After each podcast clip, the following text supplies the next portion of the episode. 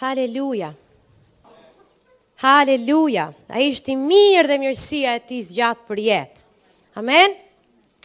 Haleluja! Sa prej jush janë bekuar javën e kaluar, kur Zoti na mësoi se si të ruajmë jetën tonë me kë e mpleksim, jetën tonë. Amen? Dhe se për sa kohë rrimë të, të lidhur ngushtë me Perëndinë dhe fjalën e tij, asgjë e keqe nuk do t'i afrohet çadrës tonë. Amen? Haleluja. Dhe sot e kisha në zemër dhe besoj që të njëjtën gjë kemi pasur të dy së bashku, pas shumë kërkesave të disave prej jush, që herë pas here vini dhe na kërkoni të doni të dini, a jeni duke ecur në vullnetin e Zotit, apo e nderoni Zotin, A jeni në qendër të vullnetit të tij? Si ta kuptojmë që jemi duke ecur aty ku Zoti na ka thirrur për të ecur? Edhe sot pasi unë kam studiuar, kam nxjerrë disa gjëra që besoj që nëse ju do t'i ndiqni këto parime për çdo fushë të jetës suaj, qoftë për gjetur një punë, Qoftë për gjetur një bashkëshort apo një bashkëshorte, qoftë për shërbyer Perëndisë në planin që Ai ka për gjithsecilin prej ne që jemi gjym, ne jemi trupi i Krishtit, por jemi gjymtyrë veç e veç. Për çfarëdo lloj gjëje që Perëndia të ka thirrur ty, në çdo ditë të jetës tënde, nëse ti i nderon këto parime, Unë besoj që ti do të jesh i ruajtur dhe i mbrojtur. Amen. Sepse fjala e Zotit është e gjallë dhe vepruese. Amen. Është e mprehtë se një shpatë me dy tehe dhe ajo e ka aftësinë të ndajë çdo gjë. Ça është e mirë dhe ça është e keqe. Amen. Dhe mua më ka ndodhur shpesh që teksa ulem dhe dëgjoj dhe kam uri për dëgjuar shkrimin e shenjtë predikuar nga njerëz të vajosur, Nuk e di a ju ka ndodhur ju, po mua më ndodh shpeshherë që teksa e dëgjoj, marr përgjigje edhe ndihem sikur, oh, kjo paska qenë. Dhe ka disa dilema brenda nesh që nuk i kuptojmë pse i kemi e nuk i kuptojmë pse ndihemi të pështjelluar, por kur fjala e Zotit vjen, bisturia e fjalës vjen, është e mahnitshme aftësinë që ka për të ndarë dhe gjërat më të vogla, është e jashtëzakonshme. Amen. Kjo që unë besoj që Këto mësime që unë i kam ndjerë në shumë vite, dua shumë që me atë eksperiencë që unë kam, me dritën që unë kam, sot ne do shërbejmë së bashku, edhe pastori do të jetë duke ndarë fjalën, sepse unë i kam kërkuar që një nga pikat që unë do të shtjelloj sot këtu, ai gjithashtu të thotë çfarë Bibla thotë në, në lidhje me këtë gjë. Amen, sepse është e rëndësishme ta dëgjoni prej gojës së tij, si kreu i kishës. Haleluja. Atëherë, Si ta kuptojmë nëse jemi qenë vullnetit Zotit për ata që janë duke marrë shënime. Dhe unë kam nxjerrë disa gjëra që do të jem duke i mësuar edhe javën e ardhshme, por sot do merrem vetëm me disa prej tyre. Unë besoj që shkëmbi i qenit në vullnetin e Perëndisë është vetë shkëmbi, fjala e Zotit. Amen. Zëri i parë që ti ke nevojë të dish që je duke dëgjuar, zëri i shkrimit. Dhe do shkojmë te disa vargje për ta konfirmuar që është kjo gjë edhe mendimi i Zotit dhe jo mendimi im, sepse më besoni mendimet e mia nuk ju ndihmojnë gjatë. Po të Jezusit ju bëjnë të lirë e ju bëjnë tërësisht të lirë. Dhe ne do të shkojmë tek Zana, më falni, tek Gjoni 1 dhe thotë në fillim ishte fjala Dhe Fjala ishte pranë Perëndisë dhe Fjala ishte Perëndi. Ai, Fjala, ishte në fillim me Perëndinë. Të gjitha gjërat u bënë me anë të Tij dhe pa Të nuk u bë asnjë nga ato që u bënë. Këtu jemi duke folur për Jezusin dhe tek vargu dymbëdhjetë thuhet, Më falni ke trembë katërmbëdhjeta. Dhe fjala thotë u bë mish dhe banoi ndër ne. Dhe ne soditëm lavdinë e tij si lavdia e të vetëmlindurit prej Atit plot hir e të vërtetë. Në fillim ishte fjala. Ne e dimë që bota u krijua me fjalën. Fjala është vetë Jezusi. Këtu tek Gjoni një është kaq e qartë që kur flitet për fjalën jemi duke folur për vetë Zotin Jezus Krisht. Amen. Edhe uh, kur ai në një moment kthehet dhe e pyet Pjetrin kush jam unë dhe ai thotë ti je Krishti, ti je Mesia dhe ai thotë që mbi këtë shkamb unë do ndërtoj kishën time dhe portat e ferrit nuk do të mund triumfojnë mbi ta. Dhe unë besoj që ai shkamb është Jezusi, e unë besoj që ai shkëmb është fjala. Nëse ne themelohemi në shkëmb, në fjalë, asgjë nuk do të na bëjë të rrëzohemi, portat e ferrit, sado të fuqishme të duken, sado të pakalueshme mund të duken që të vijnë kundra jetës tonë, nuk mund dhe të na mposhtin sepse jemi në shkëmb.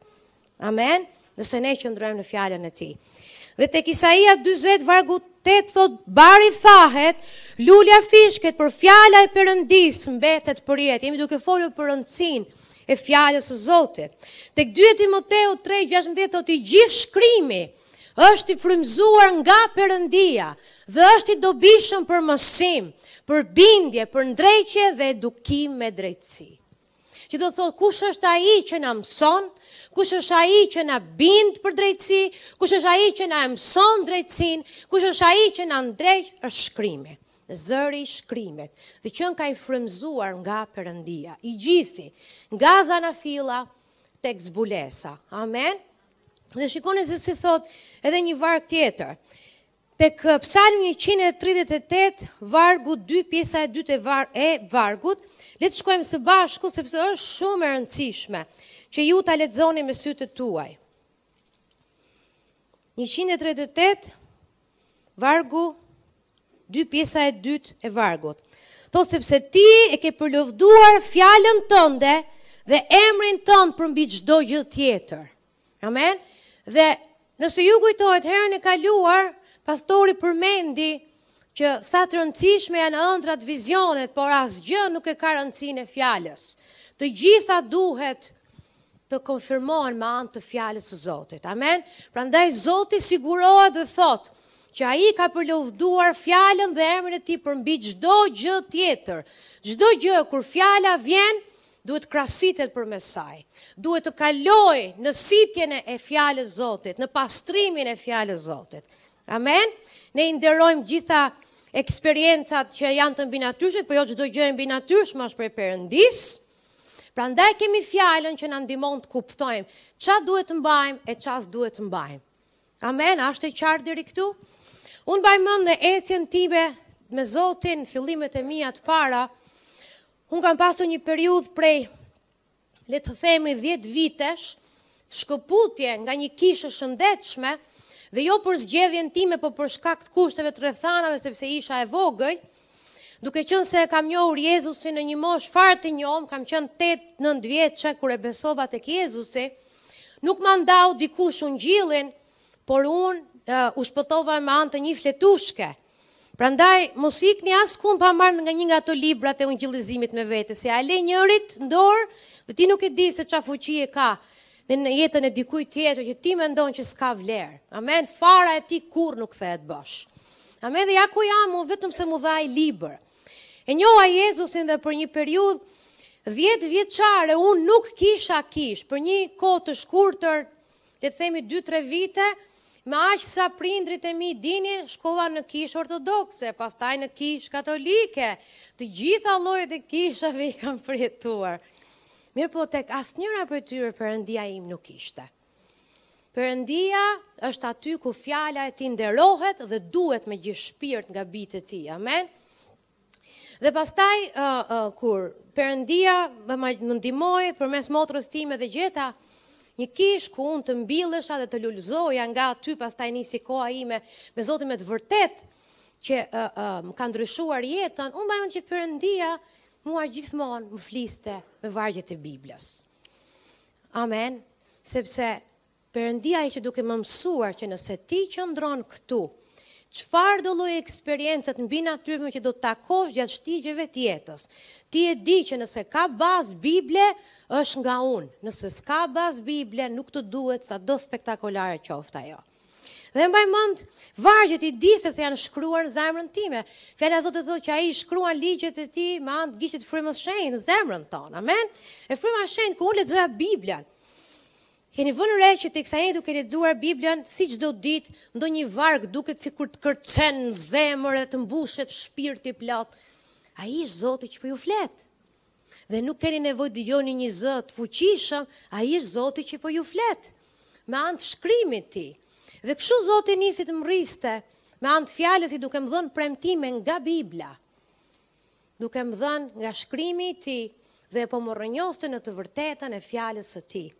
Perëndia e nderon fjalën e tij përmbi çdo gjë. Amen.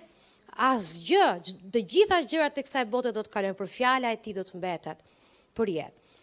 Kjo që është shumë e rëndësishme që ta njohim shkrimin dhe vullnetin e Perëndisë është totalisht i shfaqur në shkrimin e shenjtë. Çfarë ai do për ty dhe çfarë ai s'do për ty. E dini shpesh herë njerëzit duan që të kenë bekimin e Perëndisë dhe mendojnë që pse bëjnë disa sjellje, le të themi, si besimtar apo kanë disa sjellje fetare, mendojnë që janë në rregull me Zotin. Ja t'ju them një shembull. Mua më ka ndodhur bashkë me pastorin që të na vijnë njerëz që duan këshill, këshill si ta them. Na ka ndodhur një herë që na ka ardhur një çift që bashkëjetonin bashkë, Që besonin tek Jezusi dhe donin këshill si të shkonin mirë me vjerrërit e ardhshëm. Po ç't'i këshillojmë këta kur ta s'janë duke ec në rregull me fjalën? Ta duhet pendohen se po ecin në mëkat dhe pastaj flasim për vjerrin e vjerrën kur ti s'je n'terezi për veten tënde në marrëdhënie me Perëndinë, si mund t'i kërkosh Zotit që ai të bekojë marrëdhënie të tjera njerëzore me disa të tjerë. A bën sens kjo që po ju them? Dhe e mbaj mend si tani që ky individ po më kërkonte këshilla si të shkonte se kishte sfida me vjerrën. Sigurisht që kishte sfida me vjerrën e ardhshme, me gjithë do kishte sfida sepse ishte duke shkelur fjalën e tij. Po jetonte në një marrëdhënie që nuk supozohej sipas fjalës së Zotit. Dhe ti nuk mund të kërkosh bekimin e Perëndisë kur ti ke shkelur vullnetin e Perëndisë karakterin e tij. Amen. Ai nuk e shkel fjalën sado që doj ty dhe mua. Edhe e mbaj mend shumë mirë këtë situatë dhe kjo nuk është e vetmja situatë. Na ka ndodhur shumë herë. Një herë tjetër mbaj mend një vajzë e cila mund ta konsideroja në ato vite, në vitet tona të para eh, si pastor në Thuman, një nga gjërat që ne kemi pas gjithmonë përzemër është të mësojmë të rinjtë që të besojnë Zotit për njeriun e duhur, e ne i mshojmë shumë kësaj gjëje, sepse ne e dim që martesa me njeriun e gab, e gabuar të bëhet ferr dhe me të duhurin të bëhet qiell. Më besoni, me të gabuarin të bëhet ferr dhe me të duhurin të bëhet qiell në tokë. Edhe gjithmonë e kemi pas këtë gjë përzemër dhe unë merrja kohë dhe i mësoja dhe në Thuman ishte shumë sfidë e madhe sepse në aty e kam përmend herë tjetër. I martojnë vajzat herët sa mbarojnë klasën e 8-të 9 dhe mundësisht i çojnë në emigrim sepse kjo është arritje për familjet, se kishin kështu një copë bukë më tepër dhe familja. Po a nuk është e trisht që të shkatërrosh jetën e dikujt vetëm për një copë bukë? Kështu që unë merrja kohë dhe i mësoja se si t'i besojnë Zotit dhe si mos të kompromentojnë me planin e përsosur me vullnetin e përsosur të Perëndisë. Ai ka dikë për ty, që Zoti e di këtë kë ke nevojë ti dhe ai ta bën gati veç për ty. Dhe i mësoja këtë gjë. Dhe erdhi kjo vajza ishte një nga gocat më besnike që me thënë të vërtetën, mendoja që të gjithë mund t'ia fusin kot, por kjo s'ka shans t'ia fusi kot. U, u gabova, ja futi kot, Dhe uh, vjen në një moment edhe thotë që kishte marrë një propozim nga dikush, në fakt nuk erdhi ajo vetë, erdhi një pjesëtar i familjes, ata vinin në kishë si familje. Dhe na thonë që dikush kishte kërkuar dorën e kësaj vajze dhe na thamë, "Ok. Kush është ky djali? Ky djali ishte i mrekullueshëm, kandidat për Jezusin ishte, por pak i pashpëtuar. Pa, shumë pak i pashpëtuar. Dhe tani Ne i thamë të vërtetën dhe i thamë, Motër, ti di çfarë fjala e Zotit thotë. Tha, jo, tha, unë jam lut. Unë jam lutur dhe unë kam shumë paqe. Unë kam paqe, tha, mami ka paqe, motra kishte paqe, gjithë kishin paqe, veç Zoti s'kishte paqe. Po si mundesh t'i kërkosh Perëndisë, lutje dhe të besosh në një paqe që bie totalisht ndesh me natyrën e Perëndisë. Kur aty është shkruar e zezë mbi të bardhë dhe thotë, çfarë afrie ka drita me errësirës, me errësirën, çfarë harmonie ka Krishti me Belialin, thotë mos u fusni në një zgjedhë me të pabesët, shqip, e bardhë e zezë, e bardhë e zezë, ti pse po e bën gri, kur Zoti nuk e ka bërë kështu. Dhe mbaj mend që ajo tha unë e di, tha, që po bëj gjënë e duhur, e dim tha si familje, Dhe ti si pastor nuk ke ça t'bësh vetëm t'i lësh që të shkojnë në rre, në rrugën e tyre sepse nëse Zoti nuk i detyron, as ne nuk i detyrojmë dot. Dhe e mori këtë vendim të mrekullueshëm dhe sot e kësaj dite u bënë gati 10 vite që unë nuk e shoh n'kishë. Dhe si ajo janë qindra e qindra të rinj e të reja që për të njëjtat motive largohen dhe gënjejnë veten e vetëmashtrojnë veten që e kanë bekimin e Zotit se kanë paqe. Ne nuk udhëhiqemi nga kjo, ne nuk udhëhiqemi nga ndjenjat, ne udhëhiqemi nga fjala e Perëndisë. Ça thotë Zoti për këtë situatë? Ju inkurajoj me gjithë shpirt, çfarëdolloj sfide që të kaloni, shkoni thua, ça, ça thotë shkrimi për këtë situatë? Ça më mëson fjala e Zotit, lidhje me këtë, me këtë çështje? Ça, bes, ça do Zoti për mua këtë? A bie kjo ndesh me natyrën e Perëndisë? Amen, është shumë e rëndësishme. Unë isha dje tek vajzat dhe po mësonim nga fjala e Zotit dhe iu bëra një pyetje sepse shpesh ne kemi nevojë t'ju dëgjojmë ju ça mendoni. Mos i gëlltisni gjërat kështu përmendësh. Siç i dëgjoni dhe e tha filani dhe ti menjëherë e gëlltit. Dakord, e tha filani, po kaloje Tek fjala e Zotit. Shoshite këtu edhe shiko, a është me të vërtetë e pastër? A është me të vërtetë e kulluar ajo e vërtetë? Mos merrni të vërteta pjesërisht të vërteta. Amen. Dhe pyetja që u bëra ishte a është okay që për ca kohë për motive shumë të shenjta të largohemi nga kisha. Jo nuk është. Sepse Zoti na ka thirrur trup. Dhe trupi duhet të rrijë bashkë. Dhe nuk, Perëndia na ka na ka bërë pjesë të trupit të tij dhe ne me të vërtetë kemi talente të ndryshme, por në funksion të të vetmit trup, një trup. Amen, dhe Zoti na do të rrimë bashkë. Na ka thirrur që të jemi familje, një gjymtyrë, veç sado i zjarrtë të jetë, sado pasion dhe zell të ketë për Perëndinë, Ai zjarr do të shuhet, sepse është larg habitatit për të cilin ai është krijuar. Dhe ai është krijuar të jetë pjesë e kësaj familje. E kam fjalën familje të besimit, qoftë në Tiranë, qoftë në Kinë, qoftë në Amerikë, kudo.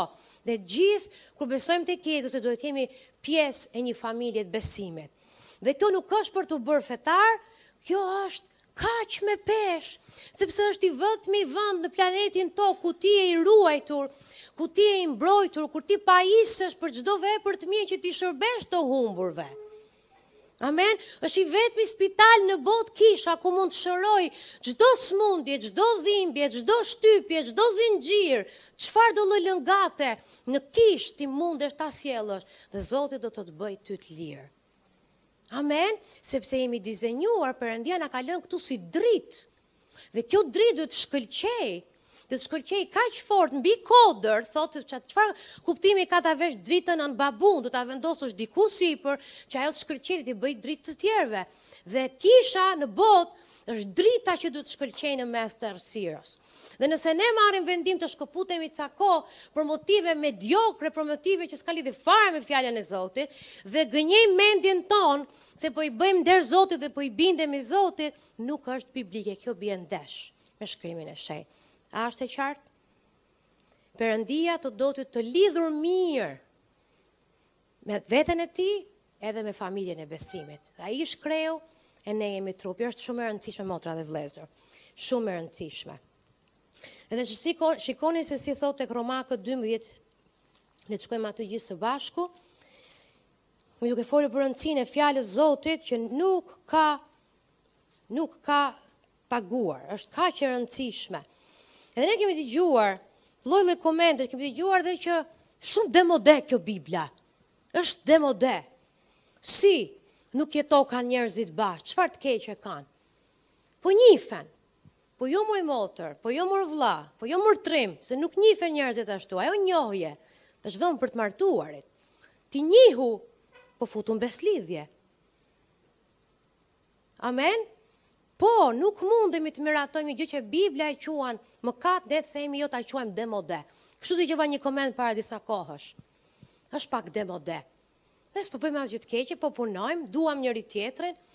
Ti edhe të humburit atë gjë bëjnë, por e kanë një destinacion jo të mirë. Dhe nuk është kjo mënyra se si një i krishter duhet të mendojë. Fjala e Zotit thotë që ai është fillimi, ai është mbarimi, ai është i pari, ai është i fundit, ai është alfa, ai është omega, ai kurrë nuk është demode. Kjo fjalë është e gjallë nga përjetësia në përjetësi. Dhe vlen për çdo kohë, vlen për çdo racë, vlen për çdo kulturë, vlen për çdo qenie njerëzore që ka lindur dhe do të lindë në këtë rruzull. Amen. Kurrë nuk vjetrohet. Të gjithë librat mund të bëhen të mërzitshëm, kjo jo kurrë. Kurrë nuk mund të bëhet e mërzitshme, sepse është e gjallë. Nëse ti je i rilindur, ti nuk ngopesh dot kurrë me këtë, sepse ke nevojë për më shumë, e më shumë, e më shumë, e më shumë. Prandaj na thuhet që lumenj e ujit të gjallë. Amen. Ne plot me frymën e shenjtë, plot me fjalën e Zotit. Haleluja, është kaq e rëndësishme fjala e Perëndisë tonë dhe kurrë nuk vjetrohet. Amen. Pika tjetër që është shumë e rëndësishme, është zëri i frymës së shenjtë. Dhe kjo pika e dytë është e lidhur ngusht me të parën. Sepse fryma e shenjtë dhe fjala janë bashk. Shkojnë krah për krah me njërat, nuk mund t'i ndash njërën nga tjetra sepse janë bashk. Amen. Dhe fjala e Zotit na thot tek 2 Korintasve 13:1, kush ka dëshirë të kthejë Biblën dhe ta shkojmë atje gjithë së bashku, do ta lexojmë. 2 e Korintasve 13:1.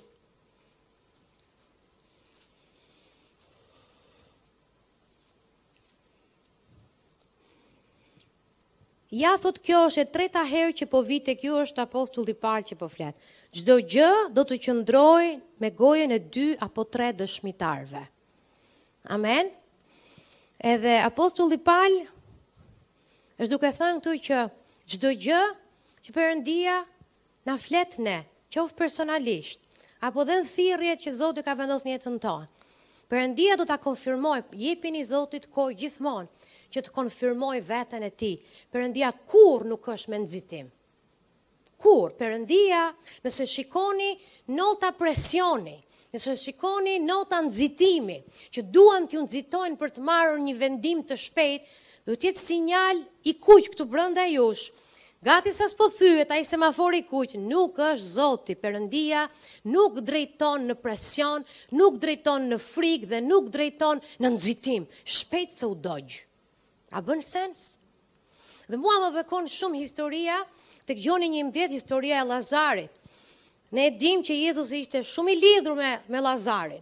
Ai e donte shumë, Lazarin, Bibla e specifikon, thot, ai që ti e do, është i smur dhe pastaj vdiq. Ok? Dhe Jezusi i dëgjoi gjithë këto lajme të këqija dhe nuk tha, "Çuna, t'i lejmë të gjitha, shkojmë me vrap te Lazari." Jo, Bibla thotë që ai qëndroi dhe 3 ditë. Atje ku ishte, totalisht në paqe, totalisht në prehje dhe nuk iu bind presionit të jashtëm, por frymës së shenjtë. Amen, dhe në kohën e duhur, kur Zoti e lejoi, ai shkoi. Dhe mbaj mend dëshminë që pastori ka ndarë, e ka ndarë disa herë, për gjyshen e tij, ju kujtohet historia me gjyshen që pranoi Jezusin minutat e fundit të jetës së saj. Mi po ju kujtohet që ajo ishte në gjendje më shumë kome në, në gjendje të pavetëdijshme për një kohë të gjatë. Dhe kur na e morë një natë në telefon tek një nga këto raste, ka qenë ora një e natës në mos gaboj, dhe mamaja e tij po përpiqej të ushtronte presion të thotë është shumë keq. Dhe ai pa zemra.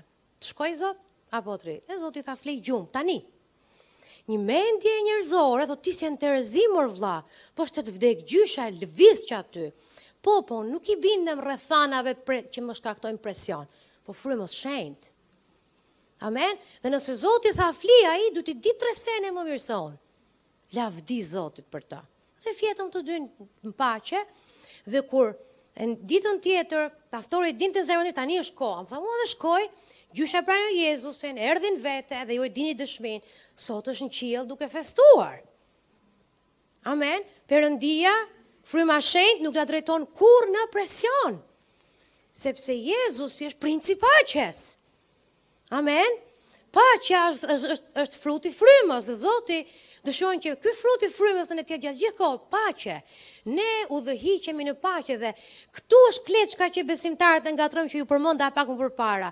Ajo duke qenë se kishte dëgjuar që Zoti, kur na jep paqe është Zoti, erdhi dhe na tha që kam paqe, po jo çdo paqe emocionale është Zoti. Paqe është kur je në paqe me shkrimin, Amen.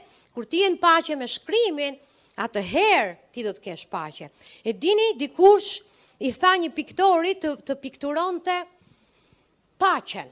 Edhe edhe e mori dikë për të parë këto këto dy telajot e mëdha ishin shumë të bukura. Njëra nga këto telajot ishte një zog i bukur, i cili ishte përpara një Liqeni shumë të qetë, me ca lule të bukura vërdallë, me një pemë të mrekullueshme dhe ishte ky zogu që dhe pastaj kjo piktura tjetër ishte një stuhi e madhe dhe në dhe brenda kësaj stuhie ishte një degë e hollë peme dhe ke kjo dega e hollë e peme ishte një zog i vogël që flinte gjumë. Dhe ai tha, "Cili mendon ti nga këto që është paqja?" Tani njerëzorja të shkon te këtu ku ka paqe me sy. Po paqja e Zotit nuk ka lidhje me rrethanat. Është paqe që të vjen nga fryma e shenjtë. Është ajo paqe që ta kalon çdo zgjuarsi e që të ruan edhe zemrën, edhe mendjen në prehje të përkryer në mes të fatkeqësisë. Ai ia kishte futur gjumit te ajo dega që mezi mbahej, sepse besimi i tij ishte te Krijuesi dhe jo tek rrethanat. Amen. Kështu që si fëmijët e Perëndisë ne udhëhiqemi nga fryma e shenjtë. Dhe tek Romakët 8-14, thotë ata që janë bijtë e Perëndisë udhëhiqen nga fryma e Perëndisë. Amen. Kështu që nëse ti je fëmijë i Perëndisë dhe ke frymën e shenjtë, ai do të të drejtojë ty. Fjala e Zotit thotë që unë i njoh delet e mia dhe unë i prij ato jashtë. Mos më hajdeni të panikosur ça të bëj. Ndalu dhe njih që Ai është Perëndi. Ti nuk mund ta dëgjosh zërin e Frymës Shenjtë, as zërin e bariut tënd në mes të rrëmujës që e shkakton ti. Je kaq i panikosur sa nuk arrin dot të dëgjosh asgjë përveç zhurmës që ke shkaktuar vetë sepse i ke emocionet çorap. Ndalu. Edhe njih që ai është Perëndi. Shko te këmbët e Zotit. Ça thotë Zoti për këtë çështje? Amen. Është shumë e rëndësishme.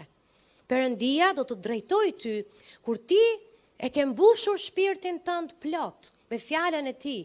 Ai do të drejtojë ty me anë të fjalës së frymës së shenjtë. Fryma e shenjtë do t'i kujtojë ty vargjet, natyrën e Zotit, zërin e tij gjatë gjithë kohës, sepse është premtim dhe Zoti e mban fjalën e tij.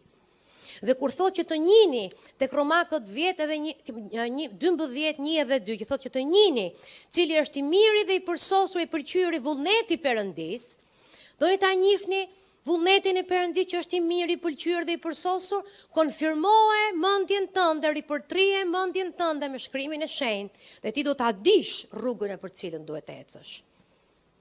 Amen. Sepse fjala e Zotit premton që fjala jote është dritë në shtegun tim dhe llambë në këmbën time.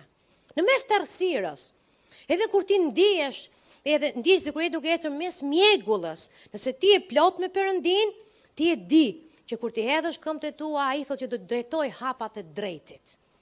Është kaq e rëndësishme motra dhe vëllezër. Ligji i tij thotë është i përsosur. Haleluja! Është i përsosur dhe ai që e gjen, bëhet i ditur, bëhet i urtë. Kështu që ruani fjalën e Zotit dhe atëherë fryma e shenjtë do t'ju drejtojë. Dhe isha duke folur për vargun që do çdo gjë do të qëndrojë në gojën e dy apo tre dëshmitarëve.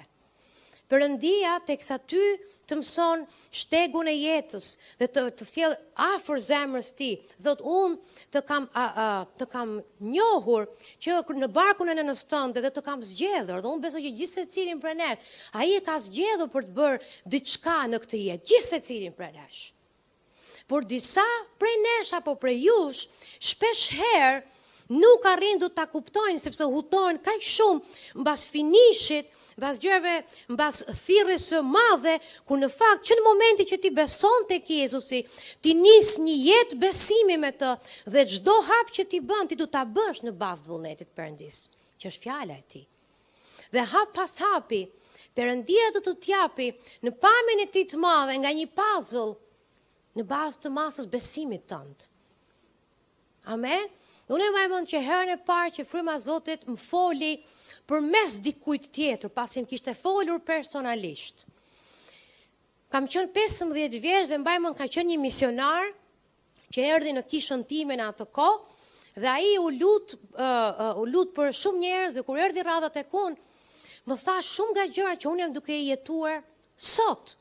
Në atë kohë nuk bënin sens dhe në fakt më tha vetëm një fjali e cila unë as nuk e kuptoja në atë kohë, por bëj një gjë të mirë e them që unë i shkruaj dhe i mbaj mend, sepse mendja mund t'i harrojë, por lapsi jo, kjo që i shkruaj dhe i mbaj mend, në kohën e duhur, kjo fjalia këtu, edhe kjo fjalia ky dëshmitari një, ky dëshmitari dy, ky dëshmitari tre, ky dëshmitari katër, Ti e di dhe e di që po ecën në shtegun e sigurt të Perëndisë.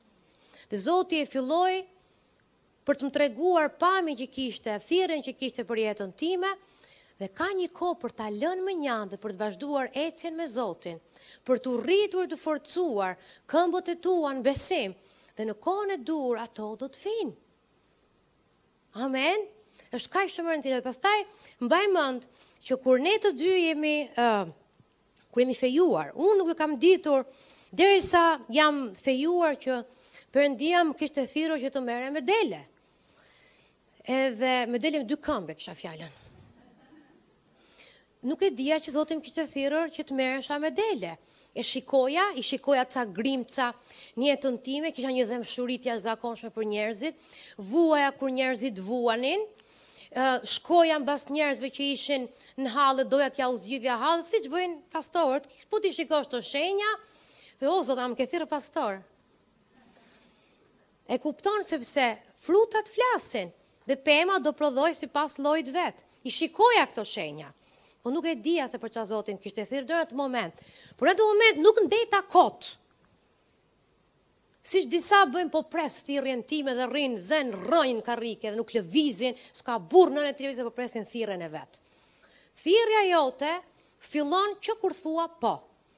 Thirrja jote është të lexosh Biblën, thirrja jote t'i ndash ungjillin familjes, thirrja jote është të shkëlqesh për Jezusin, thirrja jote është të jesh të kesh një karakter sipas Fjalës Zotit, çdo ditë është thirrja. Kudo që ti shkon, ti mund të jetosh çka Zoti të ka thirrur. Dhe nuk ke nevojë patjetër për platformë. Platformën e bën ti nëse beson që je i thirrur. Amen. E bëjnë frutat e tua. Ti nuk rri unë s'kisha as platformë asnjë gjë, po i vrapoja ve, i vrapoja shoqeve të klasës, i vrapoja komshijeve nga mbrapa në mënyrë instinktive, as e dija që isha e thirrur. Po dashuria që kisha për njerëzit, thjesht u vrapoja mbas asaj që Zoti më kishte thirrur, që do të thotë Zoti m'i drejtonte këmbët se isha e drejtë drejt shtegut që ai kishte për mua. A bën sens kjo motra dhe vëllezër? Dhe është shumë e rëndësishme. Dhe më pas, Perëndia filloi të shtonte ende dëshmitarë në shtegun tim dhe kur u fejuan pastori, po fliste që Zoti kishte kishte pastor Ai ka një vajosje të fuqishme ungjilltare në jetën e tij gjithashtu. Dhe ishin shumë copëza që Zoti i bënte që e përmbushte ekzaktësisht atë shkrimin këtu që çdo gjë të qëndrojë në gojën e dy apo tre dëshmitarëve. Ne kurrë nuk vrapuam ditën që na tha Zoti jeni thirrur për Shqipërinë ne nesër me vrap për të bërë ça Zoti tha sepse perëndia kur të jep drejtimin të jep strategji të jep urtësi dhe të jep gjitha dhe të jep edhe një kohë për t'u përgatitur ka një kohë përgatitore gjatë gjithë ecjes tënde me Zotin Amen. Për çdo shteg që ai thërret dhe unë besoj që Zoti gjithsecilin prej nesh e çon në nivele të ndryshme aq sa ne duam të shkojmë. Ti mund të jesh i thirrur për gjëra të jashtëzakonshme, por nëse ti nuk e lejon Perëndinë, ai do të shkojë aq larg sa ti do të shkosh. Amen. Nëse ti do t'i bindesh atij në çdo gjë, atëherë ai do të të mahnisë ty. Nga niveli në nivel, nga lavdia në lavdi. Do të tregojë gjëra të reja, gjëra të jashtëzakonshme që as sytë s't'i kanë parë, as veshët s't'i kanë dëgjuar. Dhe pastaj Zoti na thirri në Thumanë dhe këtu dua të ndaloj pak. Shumë prej jush e kanë dëgjuar dëshminë, po disa prej jush nuk e kanë dëgjuar dhe keni nevojë ta dëgjoni. Shpeshherë dëgjojmë ë uh, ë uh, për njerëz që vijnë e thonë, a mos është kjo një shenjë nga Zoti? A mos është kjo një ëndër nga Zoti? A mos është kjo, a mos është ajo? Unë besoj personalisht dhe juve më thoni nëse e kam gabim. Unë besoj që nëse ti rri me Zotin dhe e njeh Zotin mirë, unë nuk mendoj që ne mund t'i kemi këto pytje kaq të shpeshta në jetën tonë, sepse e njeh Zotin dhe e di se ça do ai për ty. Nëse gjatë gjithë kohës, e shef dikush një ëndërr dhe vjen e më thot, ça ka dash Zoti t'më thotë këtu, Po të ka dash për ta thënë gjë ai ta thotë, s'ka nevojë të më përdori mu. Në momentin që e shef një ëndërr dhe më shumë ndihesh i pështjelluar se sa i, i, i në paqe edhe i gëzuar edhe i drejtuar edhe i përforcuar, po nuk është nga Zoti o njerëz. Dhe Zoti nuk jep ëndra gjysmake, gjysmën ti e kupton e gjysma është mjegull. Se s'është në natyrën e tij. Ai thotë është dritë dhe në të nuk ka kurrfarë errësire. Në çdo gjë që Zoti bën, ai është dritë e plotë. Është e plotë, është kristale, totalisht çdo gjë është kristal. Kaq e pastër, kaq qelibar, kaq e mrekullushme, ti nuk ke dy ti thjesht s'ke dyshime, sepse e di që është Zoti. Që në momentin që thoni, i bëni pyetje, çka ka dashur me thënë autori? Autori ka gojë. dhe ta thotë. Autori ka karakter, autori të ka dhënë manual. Dhe ky manuali këtu duhet të të ndihmojë që ti të kuptosh disa gjëra në jetën tënde. Unë mbaj mend që një herë më ka dhënë zoti një ëndërr, dy, dy ëndrra, tre vizione, gjithë jetën, 30 vjet besim, dhe jo tre vizione në javë. Dakord? Tre vizione m'i ka dhënë gjatë gjithë jetës time të besimit dhe dy ëndrra dhe nuk jam asnjëherë në kërkim të tyre. Nëse Frymës së Zotit i pëlqen që të m'i japë, është shumë i mirëpritur. Por unë nuk pres që Zoti o të më japë një gjë të mbinatyrshme o s'ka. Unë kënaqem me këtë. Unë kam emocion edhe gëzim edhe lot në Zotin, njësoj kur e lexoj Biblën, sikur ai vjen edhe më flet edhe më preku edhe Më foli, e dëgjova zërin, unë e dëgjoj zërin këtu gjithë kohës, dhe jam kaq e privilegjuar që mund ta dëgjoj. Nëse atij i pëlqen të më flasë në mënyra të mbinatyrshme, është i mirëpritur, sepse ai është një Zot i mbinatyrshëm. Amen? Por nuk është ky fokusi im kryesor, dhe nga këto ju duhet ta ruani veten tuaj. Fryma e Shenjtë do të të japi dëshmitarë kur ai të thërret për të bërë diçka dhe mos u nxito që gjënë e parë që dëgjove menjëherë kalon në aksion. Prit! Sapo e thamë që Perëndia nuk është me nxitim. Jepi kohë gjërave të zotit që të piqen. Se po e nxore para kohë nga furra, do dali i papjekur. Dhe shtatzania, nëse një fëmijë lind prematur, lind i smur, o njerëz, jepini kohë, ka nëntë muaj procesi, sipas mjekësisë 40 javë. Jo 36 e 32 se u bezdise ti edhe o ta nxjerr këtë fëmijë o s'ka, ka një kohë, për të lindur. Amen. Ka një kohë për t'u ngjizur me vizionin e Zotit, ka një kohë që ai vizion të të të, të rritet brenda teje dhe ka një kohë për ta lindur dhe ka një kohë për të ecur në të dhe ka një kohë për të shkuar me një hap tjetër më vonë. Për çdo gjë ka një kohë nën diell. Amen, është shumë e rëndësishme që mos të hutoheni, sepse Zoti është shumë i qartë në fjalën e tij. Fryma e shenjtë nuk të kursen ty përgjigje. Kurrë, asnjëherë nuk të kursen ty përgjigje. Ai dëshiron që ti të ecësh i sigurt në çdo hap të jetës tënde. Edhe tek tek Tek gjoni 15, le të shkojmë së bashku, se më bekon jashtëzakonisht shumë. Ky varg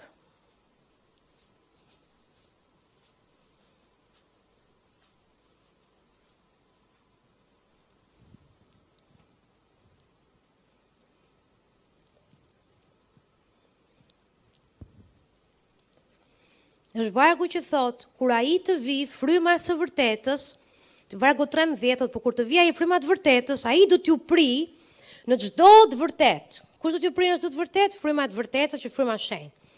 Sepse ai thotë nuk do të flasë nga vetja, por do të thotë të gjitha ato gjëra që ka dëgjuar, do t'ju kumtojë gjërat që do të vijnë. Ai do të më përlëvdojë, sepse do të marrë prej meje dhe do t'jua kumtojë. Çfarë do të bëjë fryma e shenjtë? Kush është misioni i frymës së shenjtë? Është që të përlëvdojë Jezusin. Kush është Jezusi? Jezusi është fjala, që do të thotë fryma e shenjtë do të përlëvdojë fjalën e shkruar, Jezusin. Amen.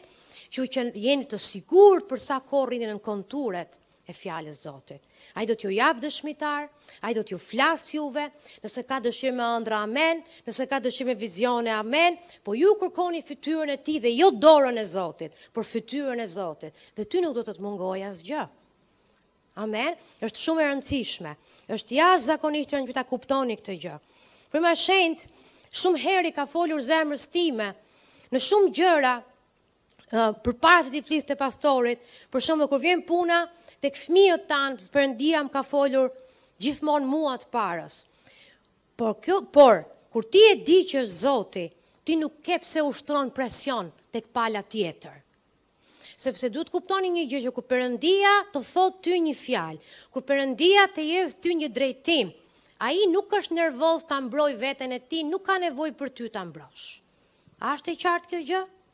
Dhe kur Zoti i fliste zemrës time, me radhë, një herë për binjakët, një herë për Natalën, një herë për Eilisin, pastori mund të dëshmojë, kam qenë shumë e kujdesshme, ia thoja me kaq delikatesë, sepse unë dua që Zoti t'i fliste dhe kreut të shpisë. Unë nuk doja që t'i bëja gjërat në veten time. Unë e di pse më fliste të parën, se me gjithë sfidat e shëndetit që kisha kaluar, Perëndia donte që unë të ndihesha e sigurt që Ai më mban në krahët e Tij. Po unë i thoja Perëndi, nëse je Ti, foli dhe burrit tim, sepse unë kam nevojë që në këtë shteg të ecim bashkë.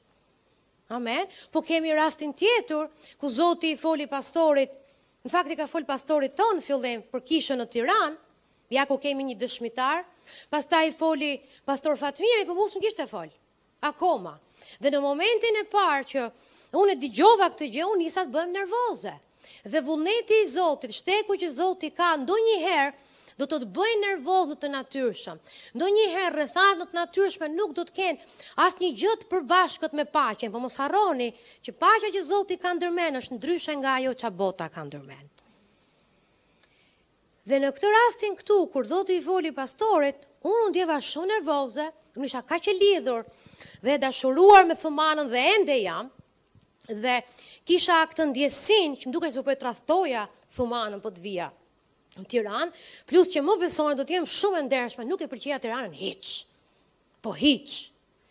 Tirana është vendi ku kam lindur, jam nga Përmeti, jo nga Tirana, por unë nuk e pëlqeja trupin e Krishtit në Tiranë, sepse këtu njerëzit ishin shumë të çuditshëm, mendonin se i dinin të gjitha, dinin çdo gjë, po Zotin s'e dinin. Kush ishte e ç'ai bënte?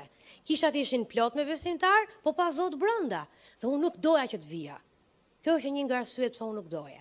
Po Perëndia, planet e tij janë shumë më të larta se të miat e të tuat. Amen.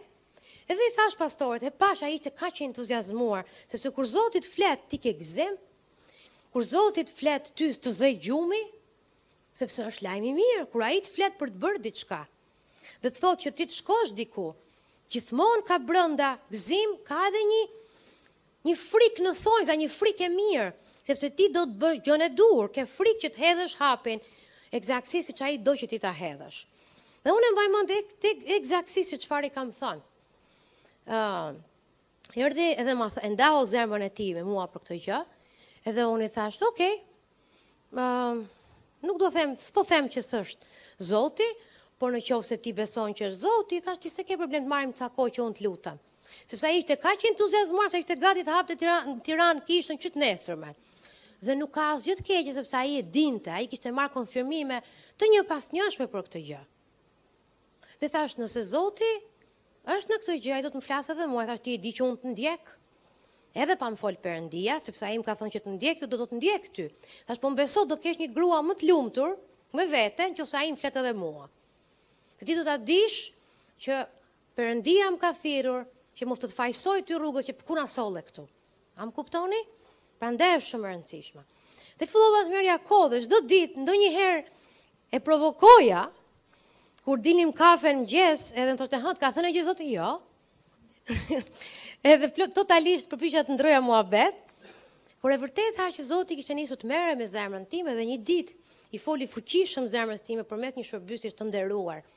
Dhe e dija dhe e dija, dhe një nga fjalët që Zoti më tha atë ditë ishte që unë të kam ngjizur me gjëra të cilat ti ende nuk e di se i ke. Kjo që vetëm më beso dhe ti do ta shohësh krahun tim. Dhe unë pastaj u hodha në krahët e Zotit, sepse e dija që ishte Perëndia sepse na kishte konfirmuar në shumë forma të ndryshme, në jo me një dëshmitar, po më shumë se sa tre veta, kudo që shkonin na flisnin për këtë vizion që Zoti kishte në Tiranë dhe ja ku jemi. Amen. Por nuk isha me nxitim, as unë dhe as ai. Perëndia drejton në paqe. Nëse je në presion për të lënë punën, nëse je në presion për t'u futur në punë, se s'ke lek, nëse je në presion për të marrë një bashkëshort se të iku mosha, nëse je në presion për të marrë një bashkëshort se të iku mosha, Nuk janë këto motivet dhe kjo nuk është mënyra se si Perëndia drejton. Perëndia të do ty në paqe e Perëndia të do ty të lumtur e të përmbushur mbi të gjitha në të. Amen. Dhe e njëjta gjë ka ndodhur dhe kur shkuam Thumanë. Thumanë Zoti na foli të dyve në të njëjtën kohë, por çdo rrethanë e natyrshme ishte totalisht në kundërshtim me ëndrrat dhe me dëshirat tona që ne i kishim formuar dhe këtu dua të ndalem pakëz. Sepse vullneti i Zotit ndonjëherë nuk duket siç ti e mendon. Ëm, ehm, uh, pastori kur ne u martuam ndau zemrën e tij çfarë Zoti e kishte thirrur dhe ne shikonim që sa më shumë të flisnim edhe shërbenim së bashku i shikonim që ishim thirrur që nga fillimi Perëndia ishte duke na bërë gati veç e veç atë në shtegun e tij e mua në shtegun tim për planet që kishim të përbashkëta. Më kuptoni dhe kur Zoti na thirri në Thumanë dhe ne e dinim dhe e dinim dhe e dinim që ishte Zoti, ai e konfirmoi me kaq shumë mënyra. Shumë mënyra, sepse donte që ne të ishim të sigurt sepse sfidat atje ishin me të vërtet shumë të mëdha, shumë të mëdha. Edhe uh, shpesh herë ju vini me ëndrra, Edhe na thoni që Zoti më ka thirrur të bëj këtë, e Zoti më ka thirrur të bëj këtë dhe dhe dhe neve formojmë një lloj mendësie ose një lloj imagjinate që kështu do ta plotësoj Zoti vullnetin e tij se krijoni imagjinata kështu do ta bëj Zoti. Dhe dini kur thua që Zoti të ka thirr pastor ose predikues, ti menjëherë imagjinon veten me mikrofon, një tapet i kuq, okay? Po jo gjithmonë duket dhe fillon kështu. Kjo do të jetë qer, qershia mbi tortë, po përpara se të vijë qershia mbi tortë, do të ketë tortë një herë. A më kuptoni? Do të gatuajmë tortën, kremrat, gjitha me radhë, që y, y, sa punë ka të vish deri te qershia. E jeni duke më kuptu? Dhe shpeshherë vini dhe zhgënjeheni sepse keni mendimet e gabuara vetë. Vini dhe thoni, mua më ka thirrur Zoti, unë jam ungjilltar, unë jam pastor dhe pretendoni që të nesërmen unë të të jap delet dhuratë dhe ti të m'i pastorizosh. Jo, nuk do ta bëjmë kështu. Sepse nuk është kështu. Ka një kohë për çdo gjë. Nëse je thirrur pastor, atëherë je afër pastorëve që të shikosh si ne ecim dhe se si i bëjmë gjërat në Zotin, që kur të dalësh pastor atje jashtë, ti je bërë gati, po ti s'do bësh pastor këtu në kishën time se këto janë delet e mia, të marrësh gjysmat e deleve t'm'i pastorizosh, se s'është kështu Zoti. Një tjetër, jam i thirrur ungjilltar dhe kanë këtë kanë shprehje të tilla që jam i thirrur për të rinj, më jep ca të rinj, po prit mor zotri, po prit mor xhan, kadalë se nuk bëhen gjërat kështu. Dhe një herë isha duke isha duke medituar ekzaktësisht për këtë gjë dhe m'u kujtua një film, nuk e di a ju kujtohet ju, por kur ta tregoj mbase do t'ju vi në mend. uh, është ky filmi i cili është një djalë, një adoleshent i cili kishte disa probleme në shkollë, e rrahën shokët dhe po kërkonte për një mjeshtër kung fuje që ta mësonte të bënte karate. Okej?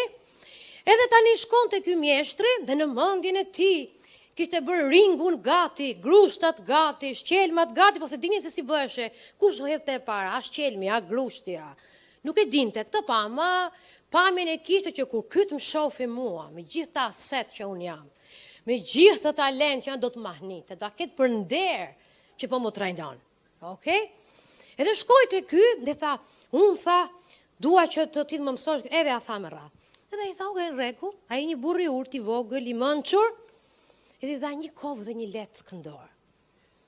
Tha po këto, tha ça, e shef tha atë dritare, laji tha njëherë kështu, e njëherë kështu, pastaj tha nga kështu, kështu nga ana tjetër, pastaj kështu, i lidhi në qafë qenit ca salqiqe, jo më fal këtij djalit në qafë ca salqiqe, dhe ky do të vraponte se përndryshe e kapte qeni, dhe vraponte mbi kodër nga frika, vrap e vrap çdo ditë këtë punë, vinte të lante makinën, e këputi, e këputi. Dhe në fund, ky mbasi erdhi shpirti ma e tundës, Tha, po ça je duke bërë, sepse unë erdha këtu, që ti të më mësosh karate. I tha, gabimi, tha në mendjen tënde, është që ti, tha, e do karaten për të rrahur miletin. Kurse, unë, tha, e kam karaten për t'u mbrojtur, dhe jo për të shkuar sulmuar dynjan. Dhe, qoftë se ti s'ke karakter, kjo dhurata që ti do që unë të t'jap, ti do ta shpërdorosh, nuk do t'i vijë në punë askujt, dhe ti do të përfundosh në ndonjë burg. Unë tha tani po të mësoj disiplinë dhe po të mësoj bindje. Dhe kështu edhe me thirrjen e Zotit. Ju të gjithë keni talente dhe dhurata të mrekullueshme. Por ju duhet të besoni në aftësinë e pastorëve tuaj, e drejtuesve tuaj, që kemi sy për t'i parë ato dhunti që keni, por ka një rend se si bëhen gjërat.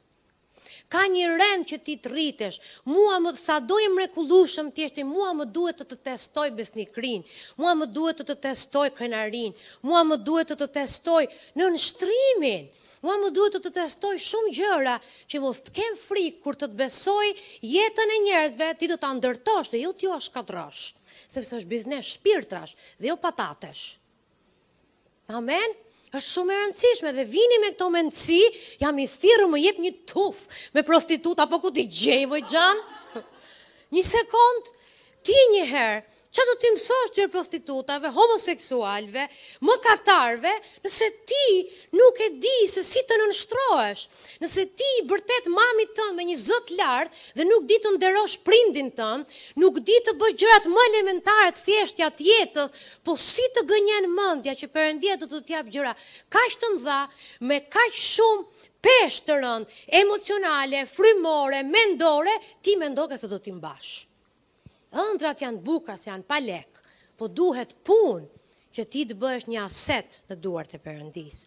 Nuk bëhen asetet brenda natës. Testohen. Unë gjithmonë kam qenë e prekur. Në 16 vite që e njoh Vladimir Genin, unë jam kam qenë gjithmonë shumë e prekur nga përulësia e tij.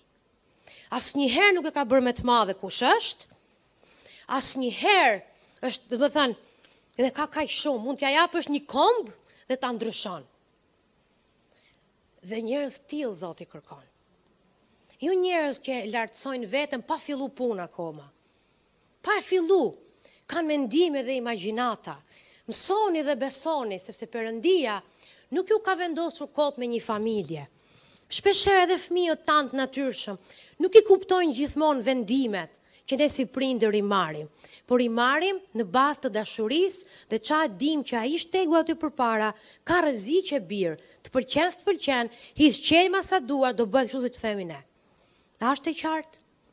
Dhe kjo nuk është kontroll njerëz, është kujdes. Amen. Është shumë e rëndësishme. E di që dola pak, por besoj që të gjitha kanë lidhje njëra me tjetrën. Sepse unë besoj që Fryma e Shenjtë, siç na drejton për dhuntitë që i ka vendosë për ne, për thirrjen që ka vendosë në jetën tonë, ka vendosë gjithashtu njerëz në shtegun tuaj, Fryma e Shenjtë i ka vendosur dhe dëshiron që ti mirë të pajisesh për çdo vepër të mirë, që mos vdesësh, të ngelesh mes të rrugës. Dhe nuk e heq nga mendja historinë e atij e e e e asaj krimbi të vogël që do të bëhej flutur. Nuk e di a keni dëgjuar, po mua më bekon shumë. Ishte ky krimbi i vogël, i cili ishte brenda atij kukunit, i cili ë uh, uh, kishte qëndruar për aq kohë sa rrinë dhe pastaj është momenti që dalin sepse janë krijuar flatra e do dali të bëhet flutur. Okej? Tani një dikush po e shikonte që Po mundohej kaq shumë flutra që ta hapte këtë kukunin. Okej, dhe ky tha gjynah, tha, se po vuan ta ndihmoj dhe shkoi ia hapi ato dhe flutra me të vërtetë doli lehtësisht, por eci vetëm disa hapa dhe pastaj ngordhi. Dhe Zoti nuk është i interesuar të ta bëjë ty të lehtë tani, sepse ai kukuni ishte që krahët e flutrës të forcoheshin që të mund të përballonte fluturimet në vende të larta. Dhe nëse ti nuk e pranon trajnimin, nuk ka kalim klase me Zotin. S'e ka Zoti problem të të lërë 40 vjet në shkretëtirë. Hiç. Ti aty rreth malit edhe një xhiro tjetër. Edhe ju kemi kohë këtu përjetësisht. Kaloje klasën i nënshtruar, i përulur. Amen. Talentet tuaja janë shumë të vyera, dhuratat tuaja janë shumë të vyera, por i shërbejnë një vizioni, Fjalës së Gjallë. Amen. Ne si si pastorë të Fjalës së Gjallë bashkë me drejtuesit e kishës Fjala e Gjallë, ne investojmë në talentet tuaja, por nëse doni që ëndrrat dhe vizionet tuaja të përmbushen për jetën tuaj, Ju jepni me gjithë zemër këtu ku jeni mbjellë, jini të frutshëm këtu ku jeni mbjellë, shërbejini vizionit të cilin kësaj kishe Zoti ia ka dhënë dhe pastaj në kohën e duhur, Perëndia do të të rrethojë edhe ty me njerëz besnikë që do të përmbushin vizionin tënd. Amen. Është shumë e rëndësishme. Është kaq shumë e rëndësishme motra vëlla, ju ndryshon jetën. Vullneti i Zotit nuk është i vështirë për t'u kuptuar. Nëse ti je i lidhur ngushtë me të, nëse ti e rrethon jetën tënde me njerëz të perëndishëm dhe në zjarr për Perëndinë që e duan dhe e nderojnë atë. Amen. Unë jam mirënjohëse Zotit pa fund, që gjatë gjithë ecjes time të besimit, Ai më ka rrethuar me njerëz të mënçur, me njerëz me eksperiencë, të cilët dinë ça të thonë. Dhe më pëlqen të ulem dhe t'i dëgjoj. Dhe po të më shikonit në mes të njerëzve, pastorëve të shquar, kam pas privilegjin të rri rreth shumë pastorëve të Remës, që janë me të vërtetë të vajosur, me të vërtetë të Remës. Se tani çdo njeri thotë që është Rema, por ata ajka që kanë bërë gjëra për Zotin, Janë kaq të thjeshtë, kaq të përulur, sepse e dinë që gjithçka që janë dhe kanë është për shkak të Perëndisë.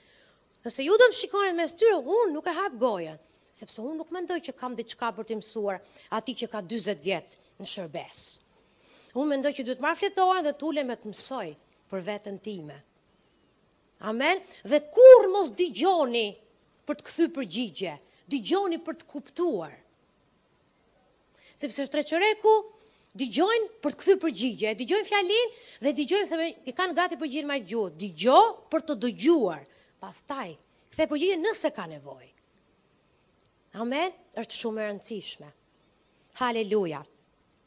A u bekuat deri këtu? Pika tjetër që unë do të unë do të flas shumë pak rreth kësaj gjëje dhe pastaj pastor Fatmiri do të flasi për këto është zëri i njerëzve të pjekur të perëndisë. E përmenda pak në disa momente këtu.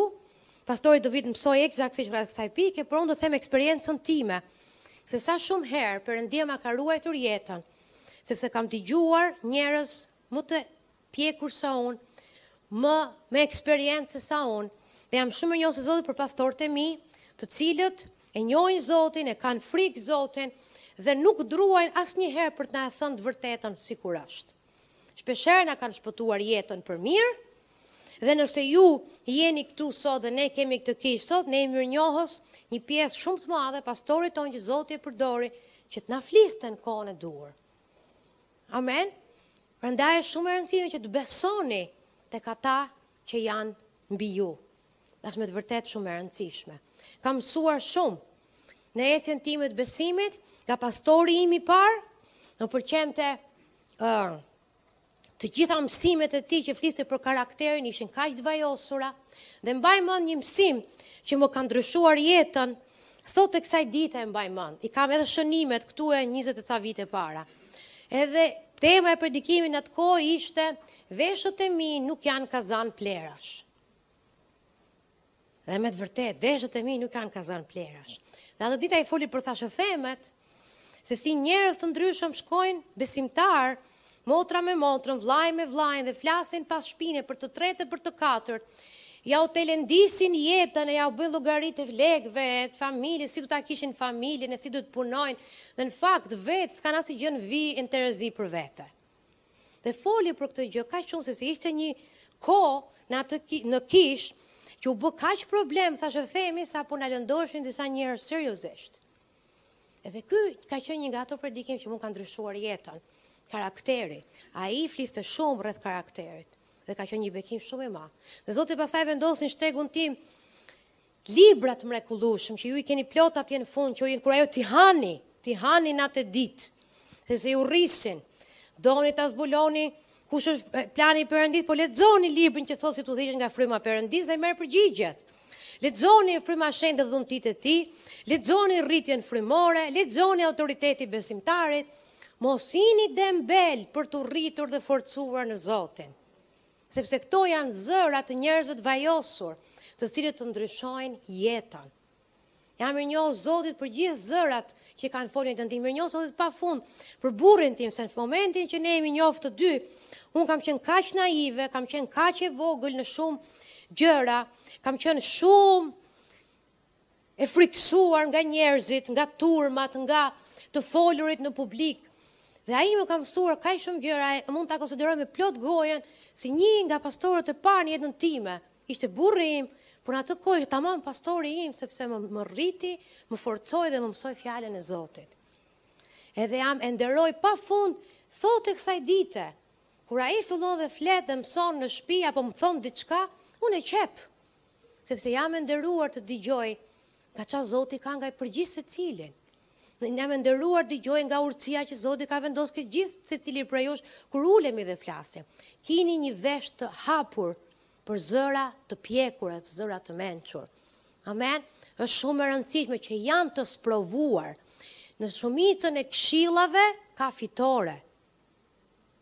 Ka fitore, nëse ti dëgjon këshilla, dëgjoji këshillat, mos u bëj i marrë, po bëu i zgjuar. Amen. Dhe një nga meraqet që ne kemi pas si si pastor në gjithë këto vite është që shpesh herë shikojmë këtë sindromën që njerëzit mendojnë që tani që unë jam i rritur mjaftueshëm në besim, unë tani nuk kam nevojë. për të tjerët. Unë nuk kam nevojë për për uh, për autoritet mbi krye, unë nuk kam nevojë, unë jap llogari vetëm unë dhe Jezus Krishti. Dhe unë nuk besoj që Zoti ka thirrur gjëra të tilla edhe edhe dhunti të tilla në trup. Amen. Dhe këtë na e thot Shkrimi i Shenjtë, për këtë do doja që pastor Fatmir të flasë tani pastor, a mundesh të lutem? Haleluja dhe unë do ta mbyll me një pikë të fundit pastaj dhe do marrim me shumë gëzim darkën e Zotit.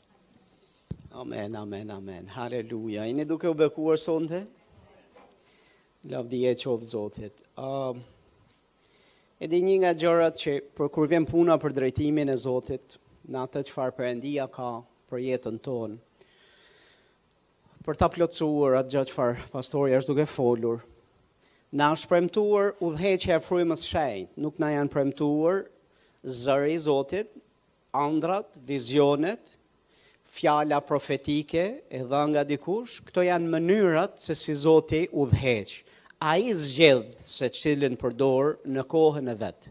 Por asnjëherë ne nuk mund të shkojmë tek Zoti dhe t'i themi Zot, dua një vizion, se po nuk më dhe vizion, atëherë unë jam në pritje. Dhe Zoti mund të jetë duke të folur në mënyra të tjera, po ti e ke ngurtësu veten sepse do veç vizion, se je mësuar me pa vizione vetëm. A jeni këtu? Nuk duhet ta fusim Zotin nëpër ulluqe të tilla, kufij të tillë. Zotit duhet t'i themi, ti ke premtuar udhëheqje, ti ke premtuar që do na prish në çdo të vërtetë, fryma jote e shenjtë do të na drejtojë, unë jam i hapur që ti të më japësh, të më japësh drejtimin. Po, duhet të mësosh, pastor, të mprehesh, të dallosh çfarë është vizion nga Zoti, çfarë janë ëndrra nga Zoti, çfarë thot shkrimi i shenjtë, çfarë është dëshmia e brendshme, mm? të dëgjosh kur është duke të folë Zoti përmes shërbëtorëve të tij, a përmes një vëllai, një motra, një mënyre. Kur ai përpiqet të tërheqë vëmendjen, ti duhet të mësosh të jesh i ndjeshëm dhe ta pozicionosh veten për të pranuar. Pastaj udhëheqja i takon Zotit. Amen. Dhe nëse je kështu, nuk do të gabosh dhe nuk do mbetesh kurrë pa drejtimin e tij. Po nëse ti je i ngurtë dhe thua vetëm kështu, atëherë do humbasësh mënyrat e tjera që Zoti është duke të folur. Dhe je përsëri në pritje që Zoti të drejtojë dhe Zoti ka qenë duke të drejtuar në fakt. Amen. Nja dy gjëra po flisnim sot me pastoren dhe mendoj se është me rëndësi që t'i përmend. A herë mbas herë në kishë kemi folur për idenë e emigrimit. Edhe kemi nevojë ta kam pak nevojë ta zgjeroj pak këtë si situatë, në mënyrë që ju të dini zemrën tonë në këtë në këtë çështje. Dhe si e shohim në Bibël. Shiko, Bibla nuk është kundër emigrimit. Dhe as ne si pastorë nuk jemi kundër emigrimit. Në fakt, Bibla është plot, vetë populli i Zotit ishte në emigrim gjithë kohës. Shohim popullin e Izraelit, mm, që është shtegtar në emigrim, shohim Abrahamin, Zoti e thirri në emigrim, Por më lini t'ju tregoj, t'ju mësoj një gjë. Ne nuk jemi për çdo lloj emigrimi, ne jemi për atë emigrim që është nga fryma e shenjtë dhe nga Perëndia. Kudo ku ai të çon ty, ti duhet të bindesh dhe të shkosh atje ku ai të thotë. Po më lini t'ju them pak se një pjesë e juaj edhe jona kemi këtë idenë që duam drejtimin e Zotit. Sa prej jush e doni drejtimin e Zotit? Në rregull. Më lini t'ju them një, t'ju jap një sekret. Po flisja me dikë para ca kohësh dhe më merr më, më merr në telefon dhe më thotë pastor, thotë jam në një dilemë, jam larguar nga Shqipëria, kam shkuar në filan vend dhe atje ku jam, shkova me idenë që do të jetë më mirë dhe u, kur u largova mendova se atje do të ketë punë, atje do të ketë një jetesë më të mirë, do do i bëj letrat, gjithçka do shkojë si duhet. Dhe më thotë, tani që jam, kam ca kohë atje, nuk jam rehat. Më janë mbyllur shumë dyer që unë mendova se do hapeshin. Dhe tani thotë, po mendoj të kthehem përsëri. Dhe më është dhënë një ofertë dhe më është thënë që aty ku kam qenë unë në punë dhe ku e kam pas jetën, unë mund të rikthehem përsëri në të njëjtat kushte. Më thotë pastor, çfarë mendimi ke? Si mendon ti? Një herë si pastor më lini t'ju jap një një sekret. Në qoftë se je duke kërkuar rehatinë e jetës tënde, dhe je duke kërkuar ta jetosh jetën për vete, ç'të duhet drejtimi i Zotit? Dhe drejtimi i Zotit do t'i jepet atij që do t'jetojë për Zotin, jo atij që do t'jetojë për veten. Dhe herë mbas herë ne duam të shkojmë atje, duam të shkojmë këtu, duam të shkojmë atje dhe pastaj pyesim Zotin në fund, mbasi na prishet rehatia dhe rrethanat bëhen shtrënguese, atëherë ngrejmë zërin dhe themi Zot, ku më ku ku është më mirë të jetoj këtu në emigrim apo të shkoj atje ku isha? Pyetja ime është fillimisht njëherë për kë po jeton ti. Në qoftë se ti po jeton për Zotin, Po kualifikohesh për t'i bërë pyetjen Zot, ku do ti. Pastaj vijmë te pika e dytë dhe po i thoja pastor. Gjëja që ti duhet të kesh parasysh është kjo gjë, ti nuk mund të ecësh të gjykosh sa mirë është atje, çfarë dyersh të hapura ka këtej ose çfarë dyersh të hapura apo të mbyllura ka në këtë vendin tjetër këtu. Kjo nuk është mënyra se si ne ecim në besim dhe ecim si fëmijë të Zotit. Ne udhëhiqemi nga fryma e shenjtë. Nëse fryma e Zotit, ti duhet të bësh këtë pyetje, ku më do ti Zot? Dhe nëse Zoti të do në Shqipëri, pastaj, nuk du t'ia di a s'të janë mbyllë gjitha dyert, A nuk t'janë mbyllur, qielli?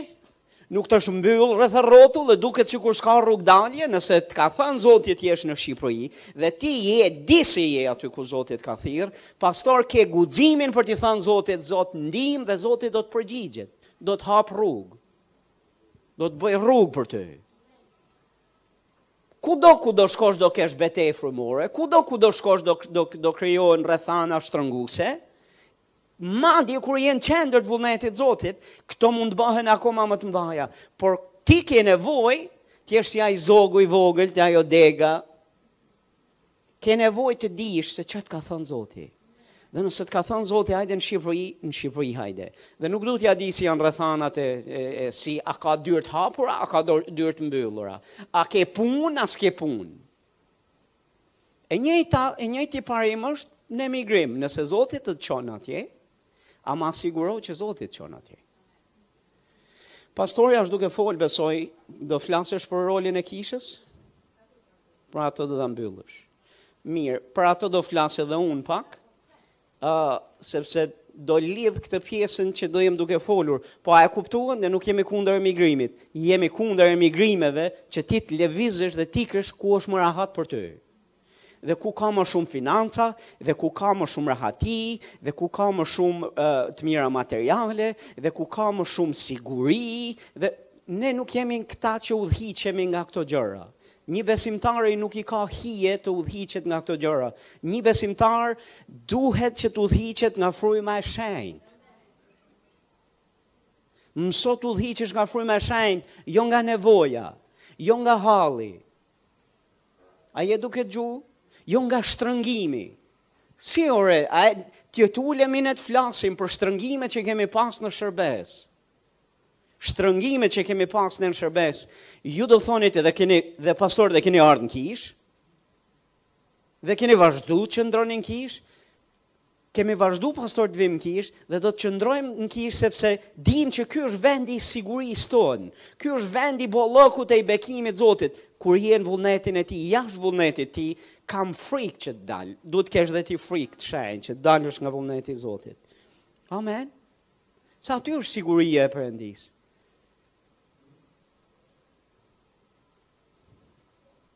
Haleluja, është Zoti i mirë. Ajo që doja të flisja unë më shumë është gjithashtu, fakti që kemi besimtarë të cilët maturohen dhe piqen në kishë, uh, vijnë në një farë pike, ku disi Disi besojnë gënjeshtrën e madhe e cila qarkullon gjithandej në kishë, dhe flas në kishën e Zotit, që kur ti maturohesh, ti mund të ndahesh dhe shkëputesh nga kisha, dhe ti ke, ke shërbesën tënde, ke uh, gjërat e tua, ke rrugët e tua, dhe ti nuk ti je i ndarë dhe i shkëputur dhe i palidhur më me kishën, nuk ke autoritet mbi vete dhe nuk ke një kishë lokale me të cilën ti je i lidhur ngushtë. Dhe dua të marr sot pak kohë dhe t'ju flas që jo pastor, kurrë Perëndia nuk, do, nuk na maturon për të na nxjerrë jashtë kishës, jashtë trupit. Kurrë nuk do të vijë një pikë, kushdo dhe çfarëdo lloj roli të kesh në trupin e Krishtit, kurrë nuk do të jetë ajo pikë ku Zoti të maturon për të të për të të nxjerrë nga trupi. Të vetmit që Zoti nxjerr nga trupi janë ata që nuk rrinë në trup, që Zoti thotë tek Gjoni kapitulli 15, janë shermendet që do priten, që do thahen, që do digjen. se nuk japin frut, sepse nuk qëndrojnë në Krishtin, dhe Krishti është kisha, dhe trupi, kisha është trupi Krishtit, ai është kreu, po që të rrish në Krishtin, ti duhet të rrish i lidhur mirë me kishën, i lidhur mirë me trupin. Zoti nuk ka gjymtyrë të cilët kur t'i maturohen, i shkul nga trupi dhe thotë tani ec, ec elektron i lirë. A e kuptoni? Jo, nuk ka maturim. Ky lloj maturimi pastor është rebelim, jo maturim. Ky lloj maturimi quhet krenari në Bibël, nuk quhet nuk quhet maturim. Sa më i maturuar ti je, ti do të kuptosh që ke nevojë për të qenë i lidhur ngushtë dhe fort me trupin. Edhe të shërbehesh dhe t'i shërbesh trupit. Edhe ka shërbesa e ungjilltarit, Është shërbesë në botë, është shërbesë ndaj jobesimtarëve, shërbesë ndaj të humburve, po edhe atje kur ai shkon, nuk shkon elektron i lirë pa mbështetje. Dhe pa qenë i lidhur ngushtë me kishën. A jeni këtu?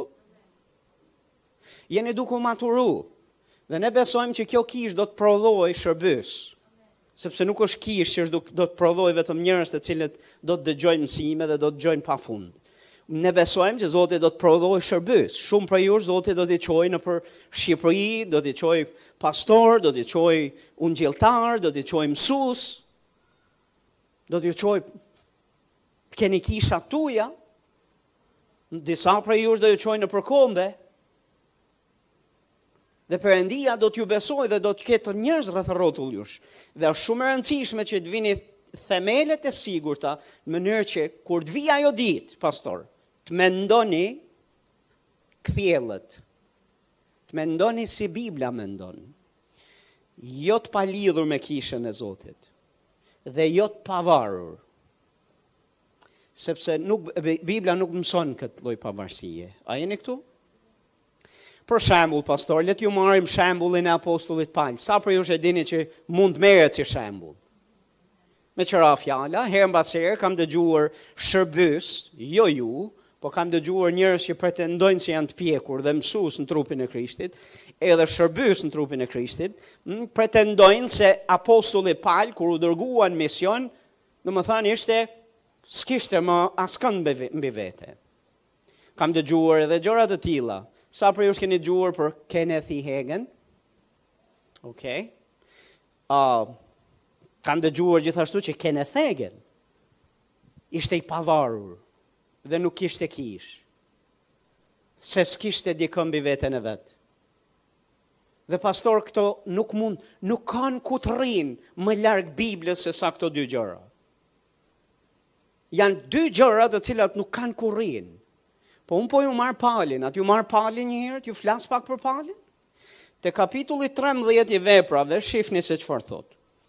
Vargu 1 thotë, por në kishën e Antiokisë ishin profetë dhe mësues. Barnaba, Simeoni, i quajtur Niger, Luci nga Kiren, Kireneas, Mane, Manaeni, që ishte rritur bashkë me, me Herodin Tetrark dhe Sauli. Të gjithë këta ishin kisha, po? Dhe nuk i shohim në luftë dhe në betejë dhe pare hak dhe të thonë, po ç'ne në kishë ne? Ne shohim që Sauli që është Pali, ishte pjesë e kësaj kishe. Dhe thotë, ndërsa po kryenin shërbesën e Zotit dhe po agjëronin, fryma e shenjtë tha, m'i ndani veç Barnabën dhe Saulin për veprën për të cilën, thotë, i kam thirrur. Kush foli? Kush foli? Që do të thotë fryma e shenjtë dhe mund të flasë. Në rregull, po fryma e shenjtë foli. Ndërkohë që ata po kryenin shërbesën e Zotit, fryma e shenjtë tha m'i ndani veçantë Barnabën dhe Saulin për veprën për cilën i kam thirrur. Vargu 3 thotë, atëherë, mbasi agjëruan, thotë, dhe u lutën, vunë duart mbi ta dhe i nisën. Më falni, ky vargu 3 mu gjithmonë më ka bërë shumë përshtypje. Çfarë lidhje ka që kisha tani të agjërojë, të lutet, pastaj të vënë duart mbi ta dhe pastaj t'i dërgojnë. Kush i nisi? Kisha apo jo? Tani pyetja është, a foli fryma? Pse janë duke agjëru këta? Pse janë duke u lutur? Dhe pse i ndërhyjnë frymës shenjtë në në punën e vet që të bëjnë sikur ata po i dërgojnë, kur në fakt fryma e shenjtë tha, M'i ndani veç për punën që unë kam. A duket sikur janë në kontradiktë me njëra-tjetrën? Në fakt nuk janë në kontradiktë. Nuk shohim frymën e shenjtë të ofenduar se ato po agjërojnë, se ata po luten. Jo mo ata po agjërojnë, ata po luten, ata vunë duart sepse edhe ata i nisën. Dhe fryma e shenjtë e bekoi pikërisht këtë nismë dhe këto veprime të kishës. Dhe kur ai foli dhe tha m'i ndani veç, kjo nuk do të thotë që kishën e hoqi, e nxori nga lista. Dhe nuk shohim as Palin dhe Barnabën që të zemrohen dhe të thonë, ça janë këto veprime? Ju e dëgjuat që fryma e shenjtë tha m'i ndani veç, pse bëni sikur po na nisni ju? Pse, pse bëni skena të tipit vënie duarsh, ju mbi ne që ne shkojmë, a nuk e dëgjuat që fryma e shenjtë, personi i tretë i trinisë, fryma e zotit, foli, ju e dëgjuat të gjithë, Mirë, fryma e shenjtë, më lini t'ju them, kur ju udhëheq, fryma e shenjtë bjen dakord me fjalën e Zotit, po fryma e shenjtë nuk anashkalon rolin e autoritetit dhe kishës lokale. Asnjëherë nuk e anashkalon. A jeni duke dëgjuar, nuk e anashkaloi. Ishte shumë okej. Dhe bashkëveproi në fakt me ta. Çfarë shohim? Ata pra të dërguar nga fryma e shenjtë, përsëri thotë, të dërguar nga kush? Domethënë, kisha i dërgoi, dhe pastaj një varg më poshtë, thotë, të dërguar nga fryma e shenjtë, që do të thotë, fryma e shenjtë dhe kisha bashkëvepruan bashkë. Tani pastor, në qoftë se kisha nuk është me, dhe fryma e shenjtë, nuk ka liri në një kishë, ik nga ajo kishë, pastor. Po jemi duke folë për një kishë që ka frymë të shenjtë që përulet dhe dëgjon zërin e frymës Zotit, që e do fjalën e tij, dikush thotë amen. Po ne shohim pra, kisha dërgoi Palin dhe Barnabën në mision. Le të shkojmë pak te kapitulli 15, është shumë interesante, vargjet një, deri tek disa vargje të tjera, që do t'ju flas. Vargu një thotë, dhe disa thotë, që zbritën nga Judea, mësonin vëllezërit. Domethënë këta Pali dhe Barnaba janë në mision tani, ky është udhëtimi i tyre. Disa thotë që zbritën nga Judea, mësonin vëllezërit. Nëse nuk jeni rrethprerë sipas ritit të Moisiut, nuk mund të shpëtoheni. Vargu 2, thotë duke qenë se u bë një grindje jo e vogël, dhe një diskutim nga ana e Palit dhe e Barnabës me ata, u dha urdhër që Pali, Barnaba dhe disa të tjerë nga ata të ngjiten në Jeruzalem tek apostujt dhe tek pleqtë për këtë çështje. Vargu 3 thotë, ata pra, si, si u përcollën nga kisha, kaluan nëpër Feniki dhe Samari, duke treguar kthimin e johebrenjve dhe duke sjellë gëzim të madh në mbarë, mba, mes vëllezërve. Thotë kur arritën në Jeruzalem, u pritën nga kisha, nga apostujt dhe nga pleqtë dhe treguan për gjërat e mëdha që Perëndia kishte bërë me anën e tyre. Katër vargje të jashtëzakonshme. Çfarë shoh te vargu 2? Tek vargu 2 thotë, mbasi disa thanë që duhen rrethprerë dhe johebrenjtë, lindi një grindje thotë jo e vogël. Tani kjo grindje jo e vogël lindi larg Jeruzalemit. Dhe në atë kohë mjetet e mënyrat e komunikimit me këtë kohë, sa prej jush e dini që atëherë ishin shumë më të kufizuara sesa sot. Domethënë, në atë kohë ishte më e vështirë të merreshe vesh se ça është duke ndodhur larg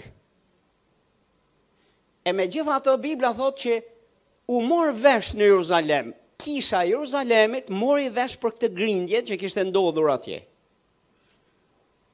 Pali dhe Barnaba diskutuan me, me ata njerëz të cilët donin që johebrenjtë të rrethpriteshin për shpëtim, dhe iu thanë nuk ka nevojë që, shpët, që, që të rrethpriten për shpëtim. Dhe kjo nisi një debat dhe një grindje. Dhe kjo grindje shkoi deri tek A kisha në Jeruzalem, tek apostujt dhe pleqtë e kishës. A jeni këtu? Kjo më tregon mua që ka një lidhje të ngushtë dhe urat e komunikimit nuk ishin të prishura. Domethënë, Pali dhe Barnaba, edhe pse ishin në mision, nuk ishin elektron i lirë dhe s'merre vesh se ça mësonin, kur grindeshin, kur ça, ça, ça, ça mësonin tjerët përreth tyre. Po dukej që ishin në kontakt me njëri-tjetrin, në atë kohë kur mjetet e mënyrat e komunikimit ishin shumë të kufizuara në krahasim me sot. Nëse atëherë ishte kështu, sot nuk ka justifikim për të mbajt lidhjen tënde me kishën. A jeni këtu? Tani ka ca të cilët pretendojnë që hej, po unë jam në Durrës. Dhe është shumë larg si të komunikoj tashti gjërat që Zoti është duke bërë dhe ça po ndodh atje. Wow, n'Durrës, je larg. Wow, ke shku në fundin e Shqipërisë. Hmm, në cepin tjetër të Shqipërisë, nga me vërtet është shumë larg, a? Në këtë kohë shumë larg. Jo pastor. Vetëm nëse s'do. Dhe nëse s'do, Pastor, të mbash urën e komunikimeve me kishën lokale do të thotë që është problem zemre. Nuk është problem komunikimi më. A jeni këtu? Tash t'i shohim t'i marrim me radhë këto gjërat që ndodhin, se janë shumë të veçanta. Më prek shumë një gjë tjetër që thotë vargu 2. Thotë kur u mor vesh ky lloj ky lloj diskutimi dhe ky lloj debati, thotë u dha urdhër, le të themi bashkë u dha urdhër. Ups. Dhanë urdhër apostujt dhe pleqtë e kishës në Jeruzalem dhanë urdhër Palin, Barnabën dhe disa prej atyre që kanë debatuar atje jashtë larg kishës të paraqiten në Jeruzalem. Dhe kjo nuk ishte sugjerim, po ishte urdhër. Fare mirë Pali mund të kishte bërë këtë rolin tani dhe të thoshte, kush janë ata që që çojnë edhe japin urdhra. Kush mendojnë se janë ata njëherë, edhe unë jam një prej tyre. Apostuj ata, apostull unë. Plak, pleq kishe ata, plak kishe unë. Pastaj, a më dërguan një herë atje? Pse i fusin hundët dhe pse flasin dhe pse duhet të merren ata me gjëra që jam duke bërë unë atje? Dhe me ç'të drejtë paskan këtë lloj tagri që më nxirrkan nga plani i Zotit, tani duhet të lë shërbesën, dhe të shkoj dhe të paraqitem unë përpara. Fare mirë mund të kishte bërë këtë rol, por nuk e bëri këtë rol. Ne shohim që iu bind urdhrit dhe shkoi sepse e çonte me peshë dhe me të arsyshme, që duhet të shkonte të paraqitej atje. Sot në kishë nuk gjen nuk fjala urdhër është pak e vështirë me gjet. Me fjalë koncepti urdhër ju kam thënë ka dalë jashtë jashtë bi jashtë fjalorit. S'mund të urdhërosh dikë, duhet t'i thush të lutem a mundesh nëse je rehat, nëse ndihesh mirë, aman a mundesh, po deshe. Nëse është rehat për ty, Po shumë e vështirë t'i thuash dikujt, të lutem bëje, merre këtë gjënë çoje atje. Dhe mos të përmendësh dhe të futësh këto uh, fjalët e mirësjelljes. Dhe nuk jam për të mos qenë të sjellshëm dhe të mirësjellshëm. Dhe këto terma dhe këto fjalë ne duhet t'i përdorim dhe t'i përdorim shpesh. Sepse të jesh i sjellshëm është mirë. Por njerëzit e Zotit do dallojnë urdhrin nga sugjerimi dhe urdhra njerëz të Zotit është ok të marrësh.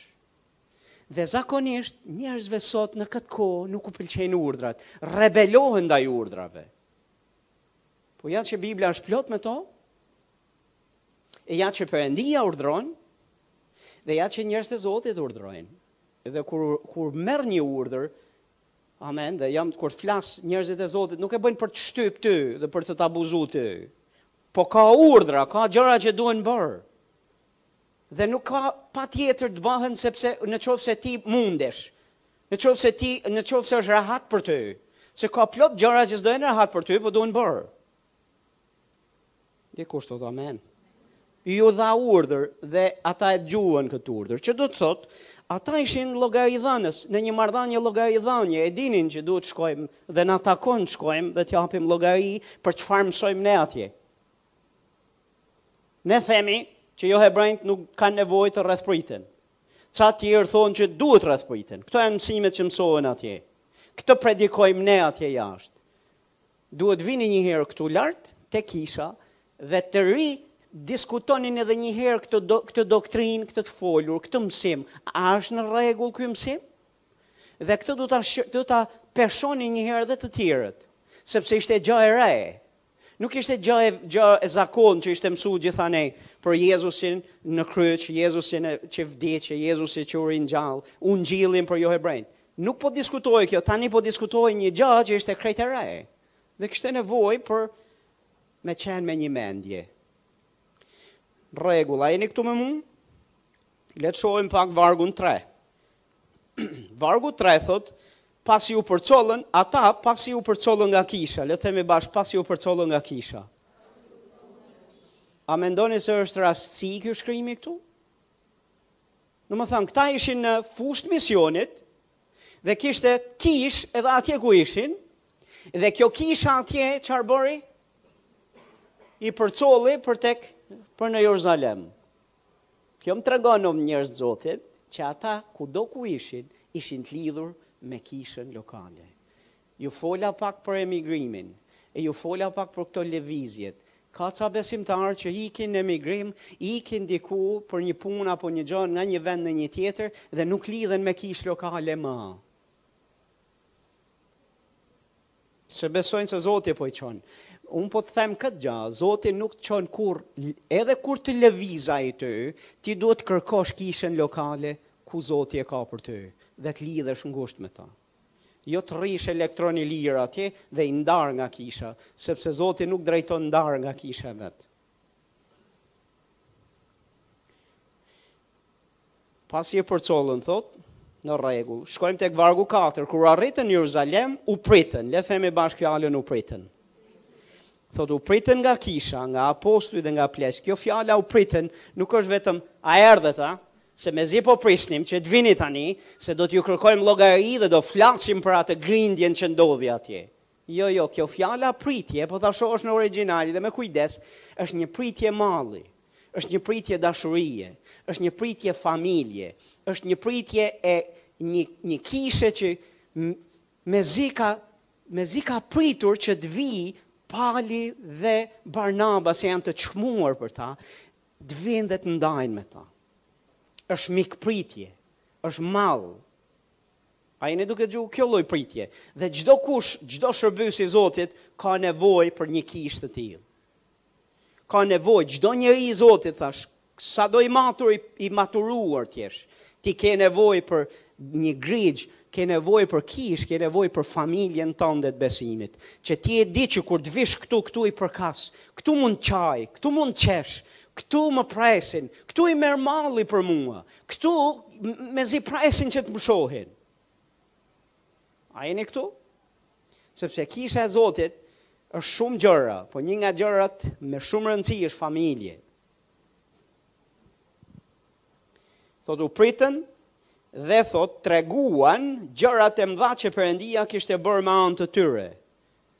Raportuan, treguan, ndanë dëshmitë e tyre. Njerëz të Zotit, nuk është ideja vetëm të lidhesh me kishën lokale thjesht për formalitet, po është që ti ke nevojë të vish dhe të ndash dhe të tregosh çfarë të bëj Zoti për ty. Dhe shërbyes të cilët nuk i kanë këto, këto në zemër dhe në mendje, dhe mendojnë se duhet të dalin e të bëjnë ç'të duan, atje jashtë dhe më kupton është në, nuk e kanë këtë lloj lidhje me kishën lokale, unë mendoj se ju mungon diçka, mungon diçka e madhe, diçka shumë e fortë, shumë me peshë. I ndanë, thotë gjërat,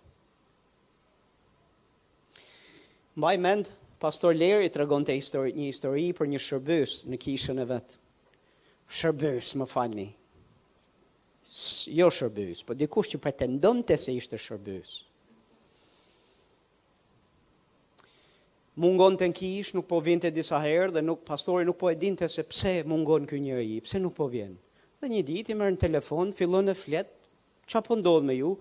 Ç'a po ndodh me ne? Kemi një shërbesë, kemi filluar shërbesë. Shërbesë tonën. Komplet ndaras nga pa pyet, pa diskutu fare se çfarë mendojnë pastorët, çfarë mendon kisha, komplet iniciativë e tyre me idenë se fryma foli. Me që ra fjala, fryma mund të flasë edhe pa qenë kishë, mund të të flasë dhe ty personalisht, por konfirmimi është tjetër gja. A jeni këtu? Edhe tha, u ula me ta se doja t'i, doja t'i mbështesja, doja t'i bekoja dhe i, i thashë atij në çift burrit. I them të lutem, meqë ti meqë ju, domethan, nuk e dini kur do jeni në shërbesë, sepse ju keni këtë shërbesën lëvizëse tuajën, ju lutem, a mund të më tregoni të paktën, sepse unë mendoj Kam menduar që brenda kishës t'ju përfshij në gjërat që duhen bërë këtu, por ngaqë unë nuk e di se kur vini dhe kur shkoni, minimumi do kisha shumë nevojë në qoftë se ju mund të më tregoni se nuk do jem pastor këtë të diela, nuk do jem në këtë kohë, do jem në këtë vend, a do jem duke bërë këtë gjanë. Dhe tha për habi më sollën një mesazh. Dhe mesazhi thoshte, që dukej që ishte gjithë ironi, fillim e mbarim. Në orën kaq, ne do jemi duke ngrënë. Në orën aq, ne do jemi duke bërë këtë punën këtu. Në orën kaq, do shkojmë atje. Në, duke hyrë në detaje të vogla të tipit, që meqë ti do të na kontrollosh jetën dhe të dish çdo gjë që ka të bëjë me jetën dhe shërbesën tonë, ja po shkojmë me detaje. Dhe ka ca të cilët qartësisht të tregojnë që janë rebelë në rrënjë. Këta nuk e dinë rolin e kishës. Nuk e dinë rolin e umbrellës së një autoriteti. Nuk e kuptojnë rolin e kishës së Zotit e vëllezërve dhe kësaj lidhje sa rëndësi dhe peshë ka.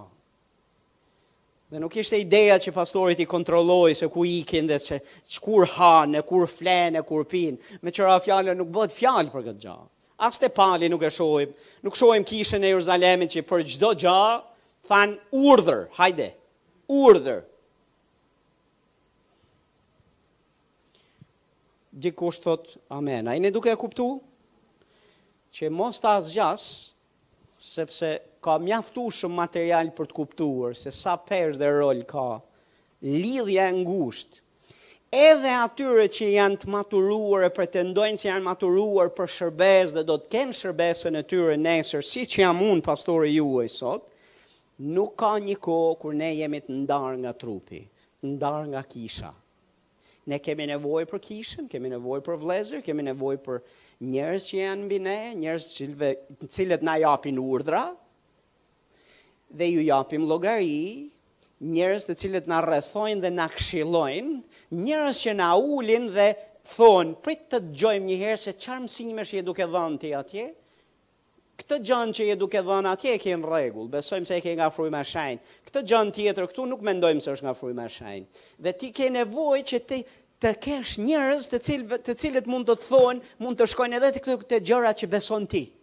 Dhe gjërat që thua dhe mëson ti. Sot problemi në kishën e Zotit është se kemi njerëz që nuk kanë absolutisht askënd që ju thotë mbylle këtu se këtë që je duke folë është Është pa lidhje, është realisht jashtë Biblës. Po ato vazhdojnë ta mësojnë. Dhe ka njerëz që prapë se prapë ndikohen nga gjëra që ja edhe dëmtohen. Sepse mungon kjo, kjo që jemi duke mësu e fol.